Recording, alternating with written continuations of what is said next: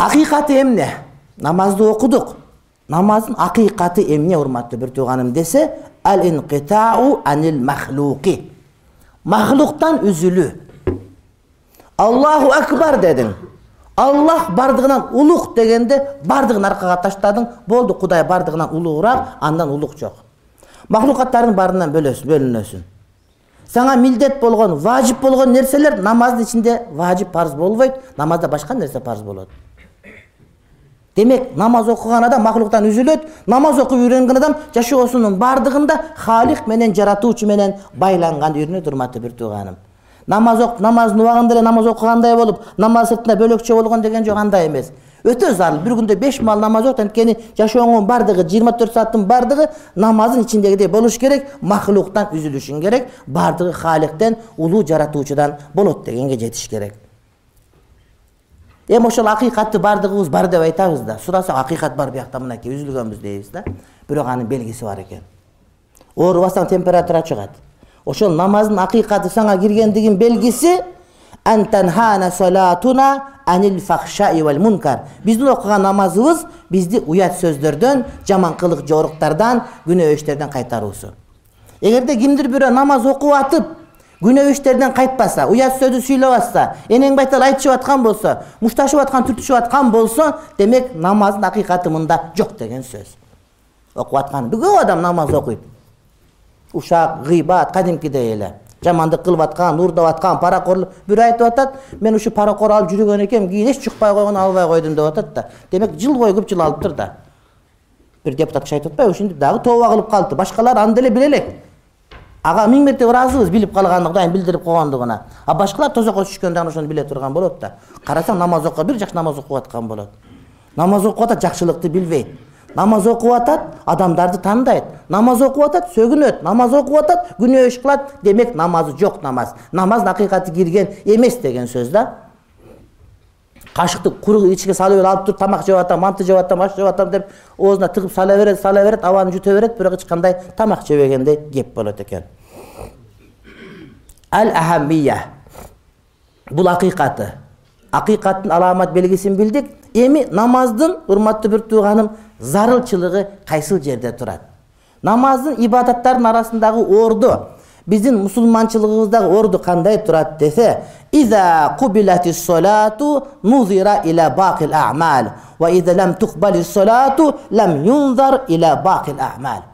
эгерде намазыбыз кабыл болуна турган болсо башка амалдарга назар ташталат. Эгерде намаз кабыл болбой калса башка амалдарга каралбайт дейт. Окууга тапшыра турган болдуң исламский университет аустияга же башка жака барып биринчи документ тапшырасың да экзаменден мурда документ өтүш керек сүрөт болуш керек паспорт болуш керек эшмет ташмет болуш керек үчү жок болуш керек беши көп төртү ондой мындай дегендер болот да. Документ тапшырсаң кийин экзамен алат. Документ тапшырбай туруп эле мен химияны бешке окугам физиканы бешке окугам деп аттестатың жок болгон болсо өтпөгөндөй эле намазың болбосо сенден калганын сурап дагы отурбайт экен да. Кээ бир адамдар бар мен дейт курандын тафсирин жазып атам курандарды котортуп атам аллах ыраазы болсун. Бухарини кыргызчага чыгартып атам башка кылып атам аллах миң мертебе ыраазы болсун. Бирок намаз окуңуз биринчи. Курандын котормосун чыгаргандан куранды топтогондон бухарини которгондон мурда сага эң биринчи зарыл маселе намаз окуган. Бирөө мечит салып берем мечит салып атам мечитти жылытып атам дейт. Сени мечит салганыңан мурда сен үчүн биринчи зарыл нерсе ошол мечитте намаз окуганың бизге шарт эмес мечит болгон урматтуу бир тууганым. Эшикке дагы намаз окуй беребиз. Тондорду кийип ошентип окуп эле келишкен. Мына айт намазды мечит жоктон окуп атабызбы? Ошо бизге белги мына площадька барып алып ошол жерде окуп атабыз. Жаңы жылда дискуск диско кылган жерге ышпыр ышпырып туруп ошол жерге намаз окуй беребиз намазды биз. Сенин мечитиңе дагы бастырган китебиңе дагы муктаж эмеспиз. Биринчи намаз окушуң керек сен. Андан кийин жакшылык кыл. Эми айтабыз жакшы иш кылып атасыз туура туура урматтуу бир тууганым бирөө зекеттерди берет бирөө кембагалдарга жардам берет. Бирок биринчи өзүңө жардам бер сен анткени сен намазыңды оку урматтуу бир тууган. Болбосо калгандарың суралбай калышы толук түрдө мүмкүн. Туруку таксил баягыдан бери айтып атабыз айтып атабыз. Эми ушул намазды кантип алып келебиз жашообузга? Намазды хузу хушу менен намазды коркуу менен кудайга берилүү менен окушубуз керек. Бирок ушуну алып келүүнүн жолу барбы? Айтабыз айтабыз жүз жылдан бери айтабыз бирок таптакыр эле намаз жок бизде эмне үчүн?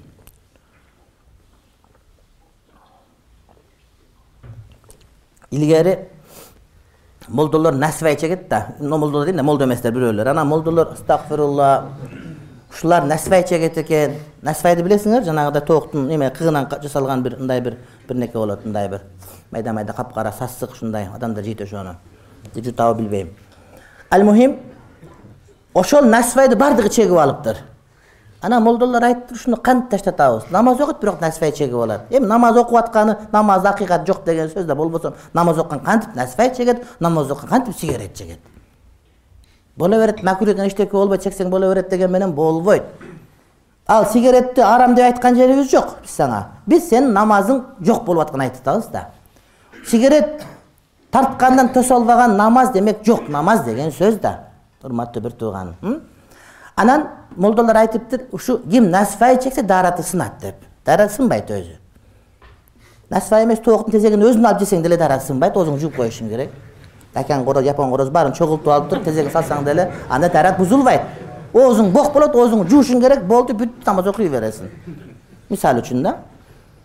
Анан ошентип айтса айтса деле он жыл өтсө жыйырма жыл өтсө деле эч ким насыны иштебей коюптур анан мен келип айттым туугандар нас тааратты бузбайт. Эми кээ бир адамдар ушундай да хикмат деп хикмат деп ушинтип айтып кое берет да хикмат деп айтып отуруп баардыгы хикматы жыртылып кетти урматтуу бир тууганым ошон үчүн акыйкаты болгондо айта бериш керек да. Намаз окубай жакшылык иш кылып атабы жакшылыгың рахмат. Бирок мен сага күйгөн адам катарында айтайын намазыңды оку бир тууганым намаз сага биринчи орунда керек калганын суралбага айтыш керек.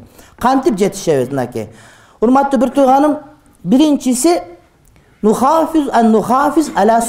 хамс. Биринчиси өзүбүздү кыйнап болсо дагы беш маал намазды сактаганга аракет кылабыз да. Билесиңерби машинени жаңы үйрөнгөндө баардыгыбыз кыйналып айдаганбыз. Биринчи болуп турганда кетпеген жерден тер кетип кийимиң сыгылба суу болуп кайсынысын адаштырып басып аласың. Айдап айдап отуруп бир убакыт келип калганда урматтуу бир тууганым машинени басып кетип атканда э азыр басып ойлонбойсуң азыр оң бутумду таштайм кол бутумду уштайм анан барганда бияка мынтип мойнумду буруп турам басам анан минткенде анан колумду кичине мындай кылам. Дебейсиң да ойлонбой туруп басып кете бергендей эле машинени деле бир бир жылдан карасаң ойлонбой айдап кете бересиң да. Автомат эле оң жака басасың бияка басасың.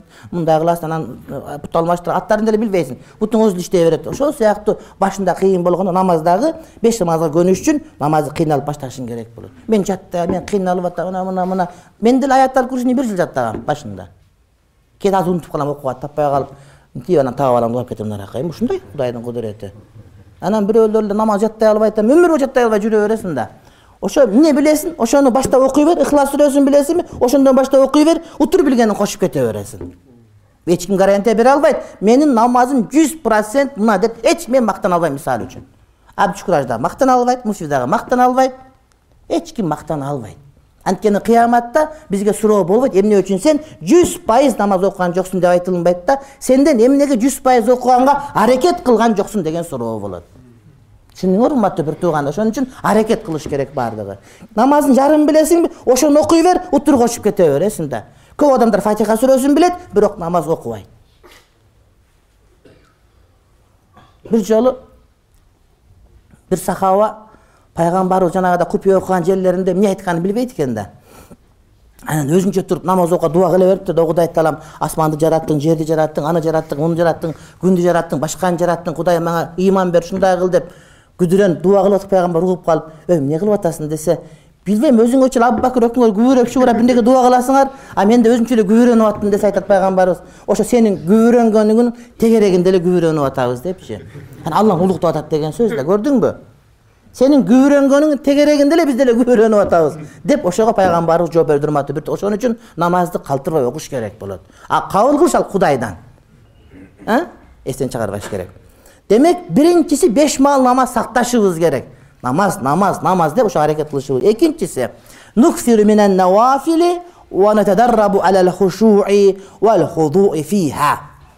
нафил намаздарды көп окушубуз керек. Эми сүннөт намаз сүннөт намаз.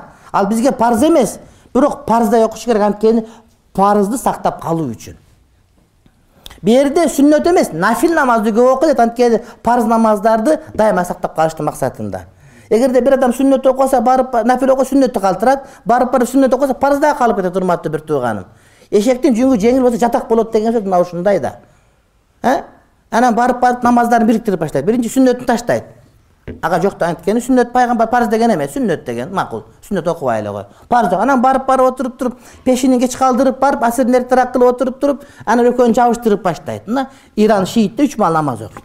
Ушундай багымдат өз убагында окуйт пешим асирди бир окуйт шам куптанды бир окуйт шафи малики хамба сапарга чыккандай кылып ушинтип намаз окуп элдер үч маал намаз окуйт деп айтышат. Өзү беш маал булардыкы дагы. Бирок калтырып калтырып ушуга келип калган ошон үчүн намазды беш маал намазды хушу хузу менен окуш үчүн урматтуу бир тууган нафилди көп окуш керек деген сөз да. Нафилди көп окусаң булар ушундай болот. Анан дагы бул жерде жок экен мен жаза турган айта турган нерсе нафил намаздарды көбүн жел жок жерде окуш керек. Кээде мечитте окуп атканда берилип рукуларың ордуна хушулары келип ыйлагың келип ушинтип берилип кайрага жыгылып саждага барганда берилип куюлуп калып окуйн дейсиң эл көзүнчө ушундай келе берет да. Мага да ушундай келет. Силерге да болсо керек билбейм. Менде ушундай болот. Элдин көзүнчө окуп атканда берилип окугуң келип кететчи жалгыз окуп ушундай окуп көрүш керек. Эгер жалгыз окуганда ушундай абал келе турган болсо анда чындап хушу хузу бар деген эч ким жок. Уктап атат аялың уктап атат балаң уктап атат. Сен намаз окуп аткан учуруңда берилип саждадан тургуң келбей рукудан тургуң келбей дагы окугуң келип дагы окугуң келип ушул сажданын ырахатын сезип аткан болсоң өзүң өзүң билип атасың деген сөз. Анан элдин көзүнчө ырахатталып окуган харамды ыйлап анан селфи кылып тартып чыгарып коюп ыйлап атканда анын баардыгы ал жөн эле оюнчук деген сөз да көп көрөсүз да ушинтип минтип дуба кылып анан тартып коет шермендечилик эми позор позор бул деген. Уят деген сөз